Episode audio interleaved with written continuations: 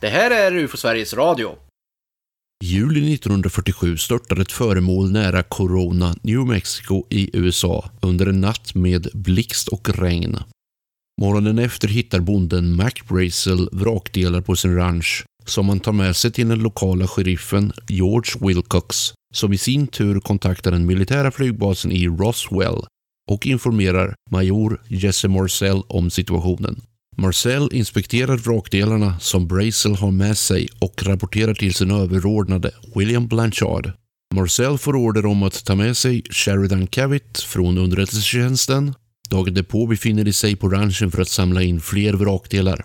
Under tiden sänder Lydia Slippy på Roswells radiostation KSWS en berättelse om kraschen när sändningen plötsligt avbryts av någon som säger sig representera FBI. Armén sänder ut en pressrelease till stadens lokala tidning om att det har störtat ett flygande tefat. Men inte ska väl vi tala om Roswell idag? Vad är det här för manus? Nej, det får vi ta någon annan gång.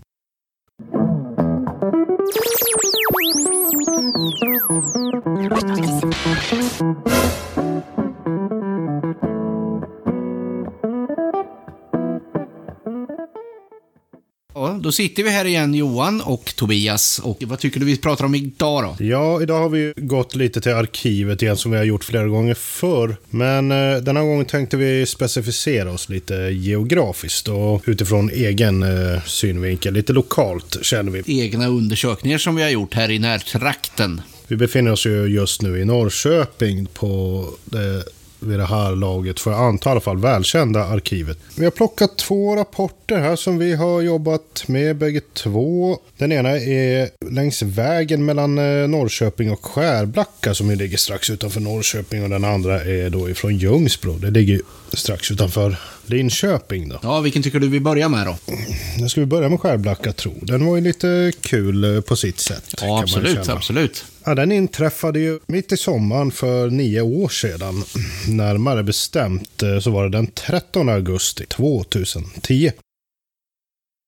2010. Och det var ju på kvällen där en kille som kommer körandes då i eh, riktning emot... Eh, vart fan läste jag då? Ja, det vet jag inte, men det var alltså inte kvällen. Det är det där med papper nu igen. Eh, vad säger vi då, då? Den inträffade faktiskt klockan nio på morgonen. Han kommer körandes. Han är ju på väg mot E4 från Skärblacka kan man säga. Och det, han, han har inte kommit fram riktigt till, eh, till E4. Han är väldigt nära järnvägen, alltså det är ju stambanan. Mm, den går ju där ja. Han åker jämte stambanan och det är då han då får se, vad säger han, 30 graders vinkel framför sig genom vindrutan. Ett silverfärgat diskusformat föremål som far neråt mot, ja det kommer väl från väster mot öster. Det ser ut som att det störtar mer eller mindre. Ja, det var ju så han beskrev det första. Han kom ju körande så det är som sagt eh, 30 graders lutning eh, så ungefär ner mot, mot backen då. Han får väl uppfattningen om att det störtar verkligen.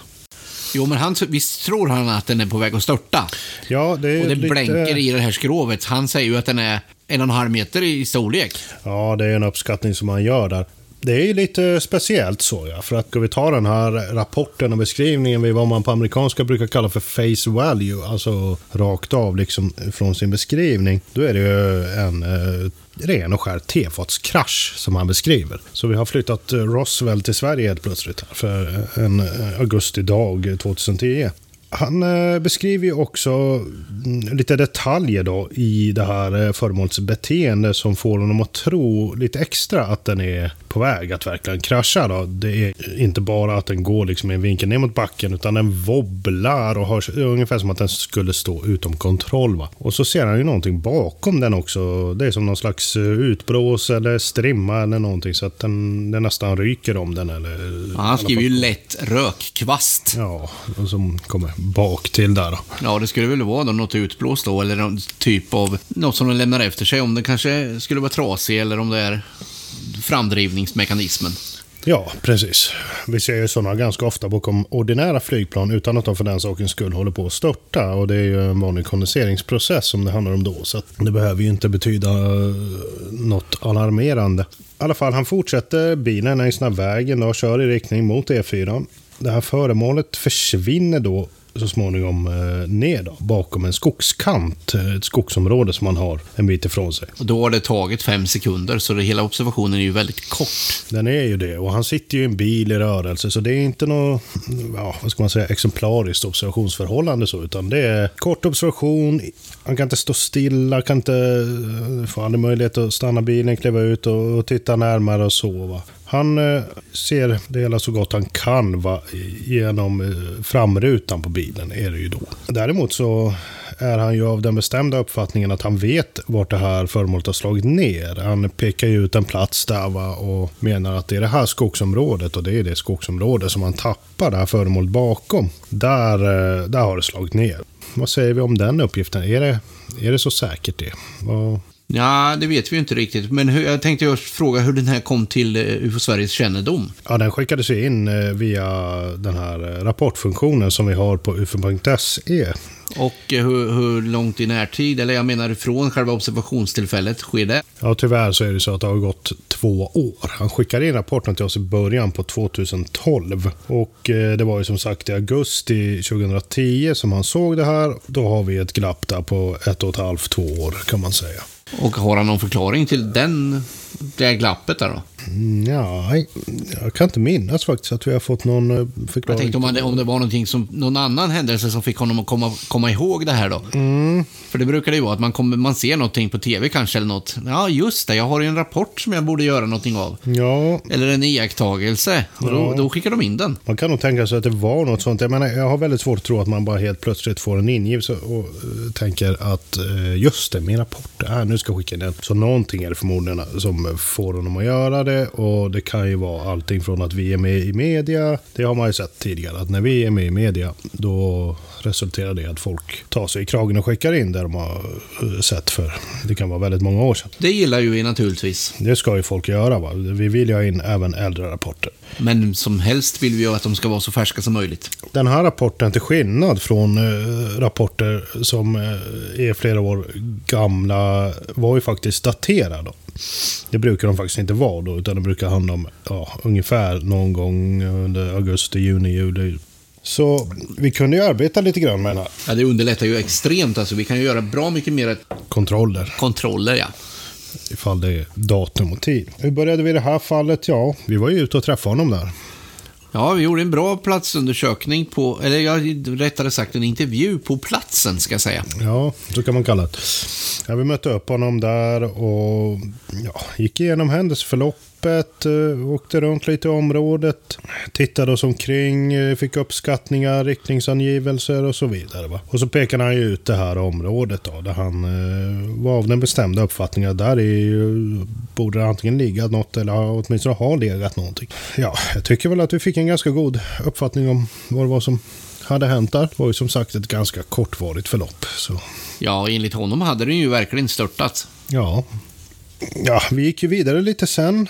Eh, undersökningen tog ju vid. Gjorde ju lite kontroller då. Till att börja med, man tittar på omgivningen och sådär. Liksom kartlägger, va, vart befann han sig, vad, hur såg han det och hur ser det ut om man tittar på kartor och så vidare. Vad, hur kan man bilda sig en uppfattning om vad som eh, finns här och så. Va? Och, Och vad finns i förlängningen och vilka väderstreck som han beskriver och så vidare. Ja, och just det där med förlängningen vart ju inte helt ointressant här. Va? För att eh, man bara drog den här förlängda siktlinjen så träffar man ju ganska rakt på Bråvallens gamla flygflottilj som ju är nedlagd idag. Ja, den var nedlagd redan då. Det var den ja. Men man gör ju något annat där idag. Va? Va? Eh, Ja, jag vet ju att man flyger modellflyg bland annat. Den här festivalen som de hade i några år, den är ju tyvärr nedlagd. Den är nedlagd. Men eh, nog 17 hade man väl ändå haft eh, så mycket som ett världsmästerskap i modellflyg. där Ja, absolut, i flera olika kategorier faktiskt. Ja, ja. Så det har varit ett ganska aktivt eh, modellflygområde. det området vid flott, gamla flottiljerna. Och det, det fick ju mig att börja kika lite grann på det. Eh, kolla om det gick att fastslå några aktiviteter vid den här tiden. Tyvärr så gick det inte att, att se att det hade funnits någonting där just då. Eh, däremot så hittade jag eh, bland annat en intressant bild på ett eh, sånt här modellflyg som hade ett sånt här schysst och prydligt utblås bak. Det var ju inte så himla olikt det som han hade beskrivit. Det ser ut som en ganska så här klassisk kondensstrimma. Jag misstänker att det är en sån de ska försöka efterlikna också. Ja, det var väl den här vevan som de här jetmotorerna för modellflyg började bli så pass Eh, prisvärda så att eh, vanliga hobbyister kunde börja använda dem. Mm, 2010 däromkring. Eh, 10-12 Ja. streck. Ja. Men jag tänker mig också det här att han, att han ser det här mot en bakgrund som inte finns några referenser på. Det är därför vi är intresserade av det här i förlängningen. Så är det ju. Han gjorde ju en uppskattning här och det är ganska många som gör det. Han pratar om en 500 till 1000 meter ungefär tror han att det här föremålet eh, befinner sig på. Va? Från hans egen position. Så horisontellt avstånd ungefär då, på upp mot 1000 meter. Det har ju vi lite problem med va? för att eh, vi vet ju sedan tidigare att eh, och det är välkänt inom, inom psykologin naturligtvis överlag, att man kan ju inte avgöra avståndet till till ett föremål mot en odefinierad bakgrund som då himlen. Och det var det ju i det här fallet. Det enda han vet är ju att skogen tar vid när föremålet försvinner. Ja, Och då, det enda som, som vi kan förstå är ju att den skulle antingen slå ner i skogen eller bakom skogen. precis. Den, eh, den försvinner bakom skogslinjen. Antingen på grund av att den går ner i skogen eller går ner någon helt annanstans. Eller kanske till och med, den behöver inte ens landa. Det är ju hans höjdvinkel, eh, höjdvinkeln från hans position så va, som som blir så pass låg att han inte ser den bakom skogen längre. Så vi har ju egentligen inte en susning om vart den här grejen har tagit vägen. Och skulle man nu spekulera i att det var ett nedslag så är det inte så våldsamt långt till Bråviken och Östersjön. Så att, Nej, det ligger ytterligare lite längre bort i den vinkeln. ja, så då kan man ju till och med befara att det har gått ner i, i vattnet och då är det inte så lätt att hitta någonting. Men då skulle det här föremålet ha varit betydligt större än vad han själv har fått, fått eh, eller gett i uppfattning. Ja, o ja. Men det är, det är ju samma sak där. Va? Han tippar på en eh, 1,5 meter ungefär. Det är ju ingenting som går att avgöra. När man inte vet avståndet så, och även då kan det vara svårt. Då behöver man ju ha en exakt vinkelstorlek och räkna på det och så. Så att det, det finns ju ingen, ingen konkret uppgift om det. Va? Utan det, det är lösa uppskattningar och det är sådana man jobbar med i nio, av, nio fall av tio minst. Men när han kör där på vägen, efter några hundra meter så svänger ju vägen, så då har han ju inte det, fortfarande samma vinkel heller, så att han kan inte fortsätta att iaktta någonting, även om, om den har försvunnit vid det här läget. Eh, vad gjorde vi sen då? Ja, vi gick vidare lite grann och kollade naturligtvis luftrummet. Gjorde lite undersökningar med hjälp av radar då, som vi eh, fick lite eh, hjälp av försvaret med där. Kollade hur det såg ut. Eh, det fanns ju en, en kärra, vi vet egentligen inte exakt vad det var för någonting, för det, det flög utan sådana transponder, utan mottagare som berättar vem och vart han är på väg och sådär. Vem identifierar flygplanen. Men det var förmodligen någon, någon liten Cessna eller någonting. Men den surrar ju runt eh, på ett sätt som inte riktigt eh, överensstämmer med det här. Passerar över vägen ganska precis där han såg den här grejen. Och då skulle han haft den ganska rakt över huvudet och det är inte alls så som han har beskrivit det. Då skulle observationen gå till på ett helt annat sätt. Skulle den ha stämt i tid också då kanske, eller? Ja, på ett ungefär. Ja, han ser ju det här liksom bortanför den här skogslinjen. Han ser ju inte framför skogslinjen. Utan han- tappar den bakom den och skulle den varit framför så skulle han tappat den framför den.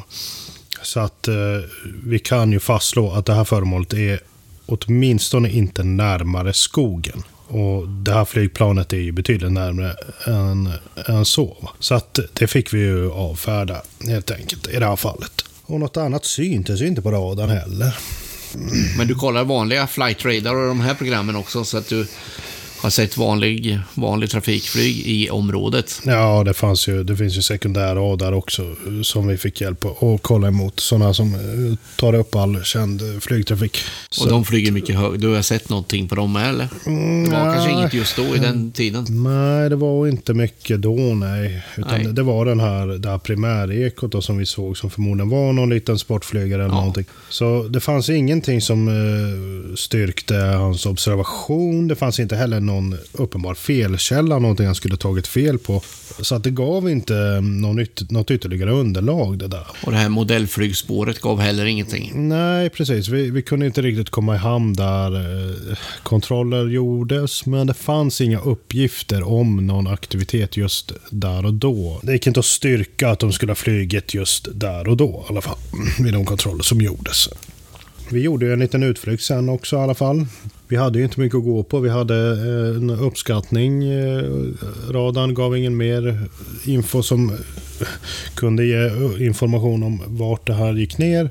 Så vi hade bara den här uppgiften från observatören och där han tappade föremålet bakom det skogsområdet. Men han var ganska säker på att det hade kraschat alltså? Ja, det var Kollade vi inte upp någonting med, med kraschande flygplan och sådana grejer?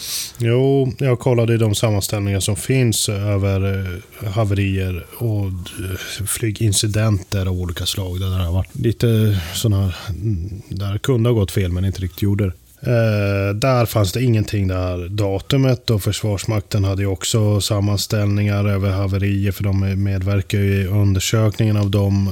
Och det fanns ju, så att något sånt hade inte hänt över området. Det var, det var inget känt flyg, flygplan eller någon känd flygtrafik som hade kraschat där. Utan det var i sådana fall någonting annat. Så vi satt ganska, ganska fast i ingenting i princip där. Ja, nej, vi hade inte kommit eh, fram till någonting riktigt. Men att åka ut och kolla på platsen. Ja, det var ju bara det. Vi, vi hade ju bara skogsområdet. Det var ju det enda som fanns att gå på. Det var ju kanske väldigt osäkert om det hade gått ner där, men vi kunde ju i alla fall kolla där tyckte vi. Så vi åkte ut där en dag. Ja, vi surrade ju runt där lite i skogsområdet. Ja, vi, det gjorde vi och så svängde vi ju in till en, eh, en granne till det här skogspartiet. Ja, det är inte något jättestort skogsområde. Det är någon kilometer eller två kanske Ja, diameter. ja. Så, det, så det, det är ganska lättöverskådligt. Ja, han bodde ju precis vid, vid skogsgränsen där. Ja, han på ena sidan och vägen på andra sidan och på den tredje sidan var ju stambanan och järnvägen. Så det var ju som en inhägnad kan man säga. Och den här killen då, han som bodde där, han var ju väldigt behjälplig när vi väl lyckades knacka på där. Ja, Han kunde ju den här skogen ut och innan. Så han, eh, vad var det han sa egentligen? Ja, han brukade ju gå där och vad sa han, han kunde varenda kvadratmeter i, i den där skogen. Han, eh, vi frågade då naturligtvis om han någonsin hade hittat någonting där eller kände till att någonting hade, ja, det är klart slagit ner där då. Han hade ju inte en aning om någonting sånt. Han hade inte heller eh, hittat något annat. Om man tänker sig att det inte var ja, en diskusform farkost då, utan någonting annat som åkte ner. Typ en flygplansdel eller någonting som lossnat. Liksom. Det är konstigare saker än så har ju faktiskt hänt. Eller is från flygplan eller sånt där. Va? Han hade inte hittat någon bråte i skogen någon gång. Som kunde vara det han hade sett, va? den här observatören. Däremot hade det ju skett massa olika aktiviteter i det här skogspartiet. Precis, han kunde ju säga en del annat så om det. Och det hade ju avverkats eh, där i skogen. Bara något år eh, före. Ja, det kunde man ju se tydliga tecken på. Det såg vi ju när vi var ute och gick där. Ja, vi hittade ju lite ja, nedfallna träd eh, som både var eh, upp... eh, Ja, de hade nog blivit påverkade av både allt möjligt. Mestadels blåst skulle jag väl tänka mig. Ja, med tanke på att de var uppdragna med roten. Ja, det var många rotvältor där. Precis, de var inte... Och sen, de var ju inte riktade åt något specifikt håll, utan det var ju åt lite alla möjliga håll. Ja. Det ja, och det var spår efter skogsmaskiner och det var spår efter motorcyklar. Det var väl någon som brukade åka runt där med en enduro och gasa omkring. Ja, precis. Och mycket svampplockare också och så var det ju i området. Alltså det, Det, var ju en lättillgänglig skogsparti där. Ja, det var ju inte på något vis eh, avlägset eller Nej. isolerat. Utan det, skulle någonting ha åkt ner där och legat där en stund, då är det nog mycket osannolikt att det skulle förblivit oupptäckt. Va? Så vår slutsats efter att ha gått runt och letat själva och pratat med grannen, och, eller grannen men en boende då, och fått information av honom var ju att eh, det mest sannolika är att det där var i alla fall inte nedslagsplatsen. Utan eh, vad det än var så hade det hamnat någon annanstans. Vare sig det hade landat eller kraschat eller ja. Flugit iväg igen. Ja, Men vi tror ändå att det var något verkligt fysiskt som man såg, eller? ja det får man väl lov att säga. Det är väldigt ovanligt att folk bara helt plötsligt uh, hallucinerar i, i tomma, ur tomma intet. Va? Utan det, i regel så finns det ju någon källa till det de ser. Något stimuli som man brukar kalla Ja, jag tänker med de här, det blänker till i glasögonen ibland så här en hundradels sekund. Men, men att göra en grej av det när man ser en sån här, det, det förstår man ju att det är betydligt mer än en sån. Ja, Ett sånt. Eh, han har nog med största sannolikhet sett ett eh, fysiskt objekt eh, som har befunnit sig på ett okänt avstånd från bilen, dock inte närmare än skogen. Och vad det är, ja, det har inte vi kunnat fastslå. vi fick ju avsluta den här rapporten och konstatera att föremålet förblev oidentifierat helt enkelt.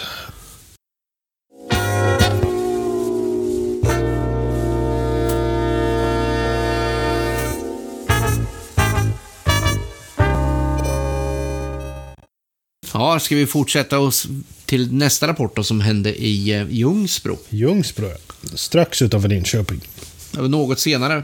Precis, den här kom in och den kom in som färsk också. Det är ju lite tacksamt. Eh, 14 september läser jag här på rapporten och eh, 2014 ska du lägga till. 2014, ja precis. Så 14.09 14. Och nu var det kväll. Nu var det mellan 22 och 23 tiden på kvällen där. Det börjar varit väldigt mörkt med andra ord. Ja, september, den tiden på kvällen är det ju mörkt. Vad händer?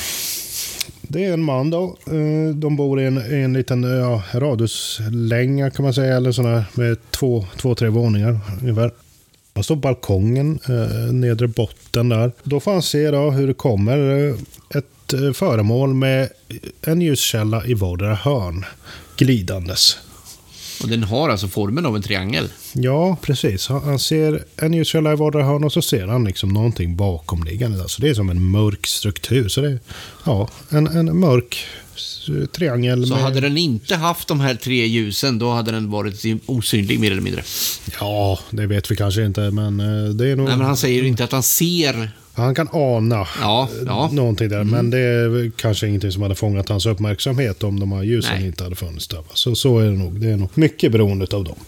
Den glider fram. Han har ju träd då utanför. Det är som en liten gräsplätt. Och så är det då träd runt om det här huset. Så de, de står inte så långt bort. Så det, Så han får, det får bli en ganska brant vinkel Ja, upp. Han får precis. nästan vrida lite på huvudet, nacken. Han måste då titta upp en bit, en ganska hög så, och strax ovanför de här träden då. Och glider fram långsamt i hans synfält går ju då, han ser den öster ungefär, hur den glider vidare västerut där, över det här området. Och hade det inte varit för ljusen, då hade han inte heller sett den, för den gör inget ljud. Nej, precis. Han hör ingenting. Det händer ju lite, han, han upplever ju då att eh, det är, det blir som någon slags, vad ska man säga, tomrum där. Ja, han, han säger ju vakuum, eller det blir, han får en olustig känsla lite nästan, att det blir...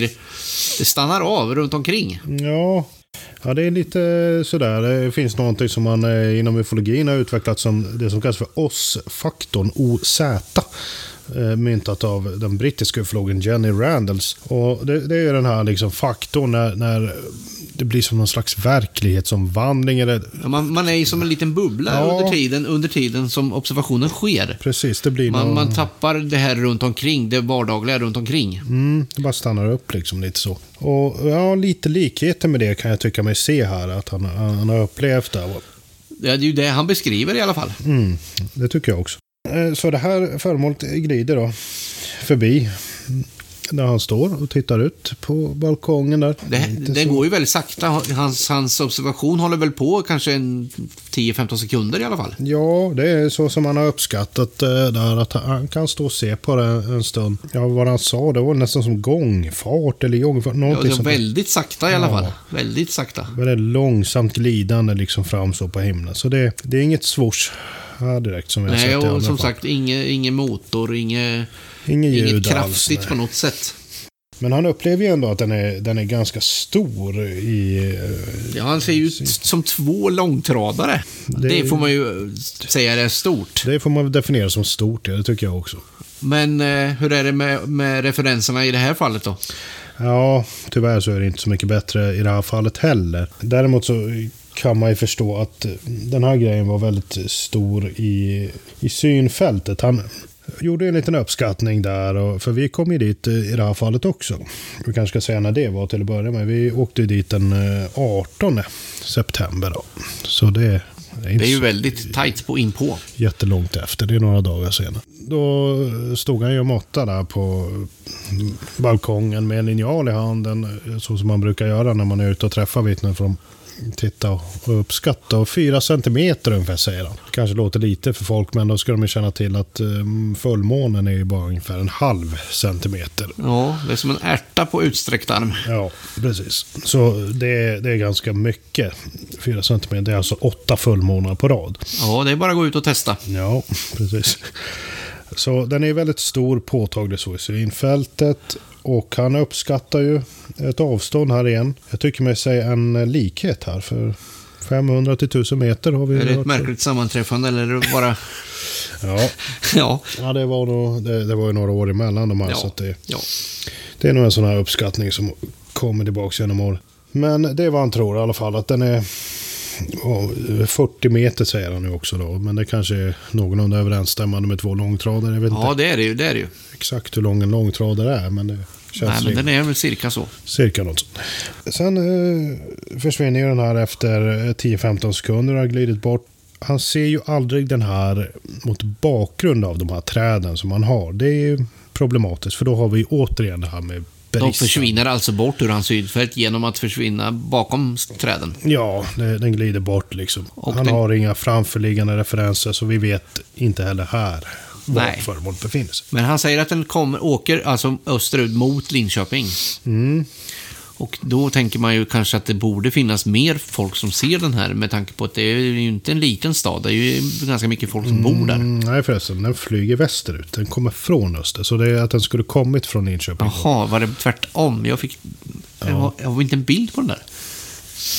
Mm, jo, på snubben. Men, då, men den åker alltså med spetsen åt fel håll. Ja, ost till väst. Ja, då är jag... Nej, men bilden, det är bara en referensbild som han Jaha, hittade. den är bakom fram. Ja, Jaha, det är inte ens tagen hos honom. nej, ja, och han, han plockade fram den. Men han gjorde den inte själv, utan han Nej, gick in och letade på nätet. Ja, och ja. Jag fick för mig att... Men den åkte ändå med spetsen framåt. Det gjorde den, ja. Men den kommer från Linköping och går ja, Ja. bortåt. Mm, Så, Ja. Men man kan använda samma resonemang där. Om den ändå kom från Linköping så kan man tänka sig att den hade varit där. Va? Ja, absolut. Så att, det, eh, att fler hade sett den av den orsaken. Ja, för det är ju tätt befolkat område. Men, men, det är mörkt. Det är mörkt. Den gör inget ljud. Nej. Nej. Men eh, vi släpper ju inte den för det, utan vi ju, kontrollerar ju saker. Ja, vi gjorde lite undersökningar där. Precis som senast här, senaste fallet. Kontaktade ju, det finns en eh, flygplats i Linköping, Linköping City Airport. Och eh, jag var i kontakt med tornet där och de hade ju ingen uppgift om flygtrafik runt Ljungsbro vid den här tidpunkten. Eh, det ligger ju ungefär inom, på gränsen annars till kontrollzonen där va. Det borde ju du känna till. Jo, men det gör det ju. Det gör det ju. Och även, även eh, banans riktning är ju åt det hållet. Ja. Så att startande flygplan åt det hållet, de kommer ju förbi där. Eh, Så det här skulle ju sannolikt då varit eh, tvunget enligt rådande flygföreskrifter att stå i kontakt med Linköpingstornet och ge sin närvaro till känna om det befann sig där observatören uppfattade att det gjorde. Den skulle rimligen gått att identifiera på det viset då, va, ifall det hade varit någon eh, känd flygtrafik. va. Men eh, som sagt, tornet hade ingen vetskap. De eh, sa ju också det att eh, Malmens flygplats, som ju är den militära flygplatsen, flygskolan där, de eh, var inte bemannade vid tiden, så att eh, där lär det inte ha förekommit någon flygverksamhet. Annars ligger ju helikopterflottiljen i, eh, vid Malmens flygplats. Vi gjorde ju lite mer här också. Ja, men vad hände då? Hade du någon mer eh, uppgift? Ja, nej, men vi gick ju vidare och kollade på radarn. Tyvärr så eh, kunde vi inte riktigt komma i mål där heller, får vi säga. Eh, no, primärekon, som det kallas när saker och ting flyger utan sådana här mottagare, transpondrar, syntes inte. Och det var lite ja, osäkert med om det kunde ha funnits sådana där ändå. Var det vi kunde ju avfärda all eh, känd flygtrafik. Det var inga sådana vanliga kärror som gick där. Det var ingenting ifrån Malmen. eh, Det visade sig det stämde. Det som tornet hade sagt där. Va? Det var inga inflygningar till från flygplatsen. Så att eh, vi kunde väl avfärda flygtrafik eh, i allt väsentligt. Och ja, så mycket längre än så kom vi ju egentligen inte med den här rapporten. Utan vi, vi spekulerade lite där om det möjligen kunde vara modellflygplan. Ja.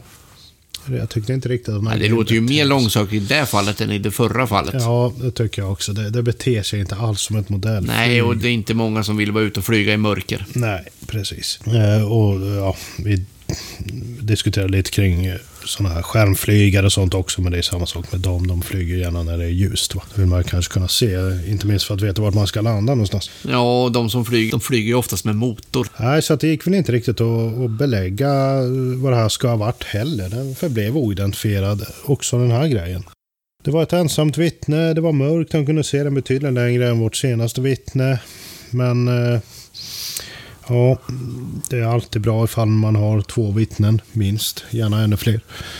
Så att eh, det, det är svårt för oss att eh, dra någon definitiv slutsats här också. Men eh, även i det här fallet så tror vi att han har sett någonting.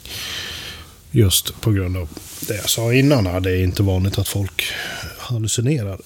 Nej, och att han berättar den här olustkänslan, den här att, att han fastnar som i en liten bubbla där, den brukar ju inte vara närvarande om man, om man råkar bara blänka till i ögat. Så det, det är nog någonting han har sett, någonting som ja, antingen genuint eh, väldigt märkligt eller så är det någonting som har utlöst eh, en eh, misstolkning på det här planet. Nej, tyvärr, vi har inte kunnat konstatera det ena eller det andra i det här fallet heller. Men de här två rapporterna får man ju anses vara väldigt, ja, normala rapporter som vi får in till UFO Sverige.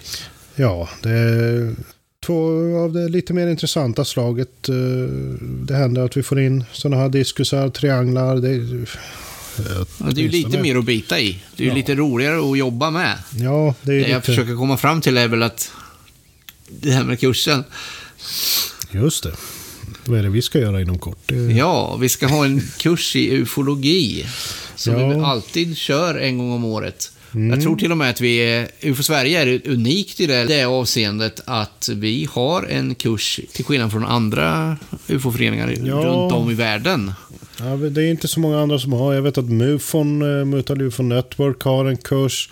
Jag är ganska säker på att Bufora, British UFO Research Organization, också har. Men jag tror att den är Ja, online nu de har väl haft till och ifrån. Ja, Våran har ju varit kontinuerlig sedan 70-talet. ja, och det fortsätter den att vara. Ja, så om någon vecka här så går nästa kurs. Ja, 19-20 oktober här är vi på Gryts eh, varv, Gryts hotell och konferens heter det väl egentligen. Eh, nere i skärgården här ute i Östergötland. Och det är då de här kursdeltagarna ska lära sig att bli utredare inom ufologi. Ja, så att vi kan aktivera dem sen och Och utreda sådana här typer av rapport. ja, göra lite som vi har gjort här, va? som vi har berättat om här. Eh, kört på och ja, intervjua folk på plats eh, och över telefon också gör man ju ibland. Det kan ju vara, ja, det är betydligt vanligare till och med. Göra lite kontroller och så vidare. Det är, det är mycket sånt det handlar om. Va? Så att man, eh, Ja, vad är målet med den här kursen egentligen? ja, det är ju att folk ska få grunderna, en grunduppfattning om hur man går tillväga när man undersöker sådana här rapporter och sen kunna ja, bli aktiva och jobba på egen hand och mm, bli ja, fältundersökare, rapportundersökare och så vidare. Så att eh, ge folk grunderna och aktivera dem. Det är det som är det stora målet skulle jag säga. Och vad har vi då för olika ämnen som vi brukar ta upp på de här kurserna? Ja, vi har ju lite, en del är ju bara rena standardiserade inslag som ja, policy och ja, allmänna Det är ju för att vi ska kunna berätta om vad UFO Sverige är, så Ja. att man jobbar i samma riktning hela tiden. Precis, att de förstår hur organisationens ideologi ser ut lite grann. Men eh, ja, man får ju lära sig lite grann. Vi brukar ha en praktisk övning eh, där man får prova på att göra en, en fake-undersökning kan man väl säga. Det är ett sånt här det är ett fiktivt fall som man får jobba med. Så ska man göra lite så här Punkter. Anledningen till att det är fiktivt är väl att vi ska få in så många moment som möjligt i själva övningen. Ja, precis. Det är för att det ska, den ska få... Det ska så, täcka olika moment Ska så att man så kan beta av saker och ting så att man lär sig någonting. ja, precis. Och Och eh, ja, sen brukar vi prata lite, lite UFO också. Det- Ja, det är klart att man ska prata UFO på en UFO-kurs. Det vore väl konstigt annars. Ja, det vore väldigt Nej, men det, det, är ju det, som, det är ju det som många har som intresse. Det okända. Ja, Så det måste man ju också naturligtvis eh, vattna den, eh, det intresset.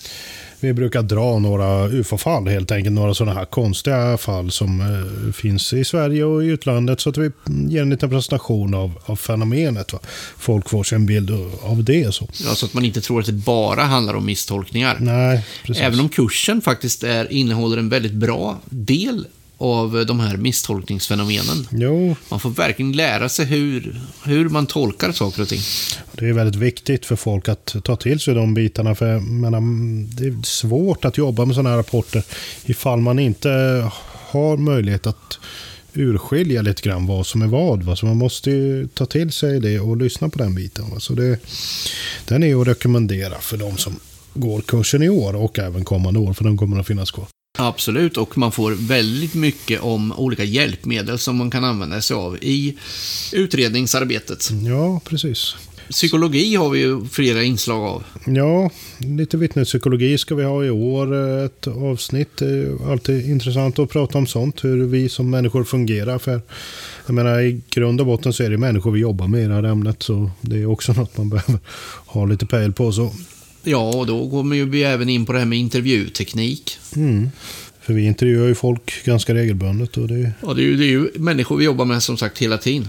eh, sen är det ju annat på kursen också. Det är faktiskt inte bara kurs hela tiden. Det är, Nej, det är ju lite sociala aktiviteter. Ja, vi har ju den eh, traditionsenliga tipspromenaden. eh, Vi har eh, bokförsäljning, vi har lotteri. Och så är det ju mycket allmänt mingel liksom så på kvällen. och Så, så det, det blir ju en hel del. Många Aktivitet. trevliga diskussioner. Känner vi oss nöjda för Vi här får väl, ja, det tycker jag också. Får vi väl önska alla som vill gå på den här kursen att eh, verkligen ta till sig den och göra det bästa av det. Ja, precis. Kommande år då, för årets kurs är ju tyvärr redan fullbelagd. Men se. eh, ni får hålla utkik på ufo.se. Ja, så får vi väl se om eh, vi ska göra några andra sådana här djupdyk framöver. Vi har ju varit i Östergötland nu. Absolut, vi kommer att jobba mer med rapporter. Får göra lite andra geografiska nedslag på andra delar i landet längre fram kanske. Ja, då får jag väl tacka dig Johan för den här avsnittet. Ja, tack själv. Så, hörs vi med lyssnarna nästa gång, eller vad man nu säger när man ska bryta Ja. sånt här. Då ska jag ropa in det här. UFO-Sverige görs av Riksorganisationen. Nej, nu vart det fel va? Nu, nu vart det fel. Jag tror att lyssnarna har räknat antalet gånger Ja. har fått den här rätt. UFO-Sveriges Radio görs av Riksorganisationen UFO-Sverige. Så där är det. Frågor och eh, glada tillrop skickar ni till info.ufo.se. Information om UFO och eh, organisationen hittar ni på ufo.se. Jajamän. Ja, säger vi tack för idag. Adjö. ja, tack och hej.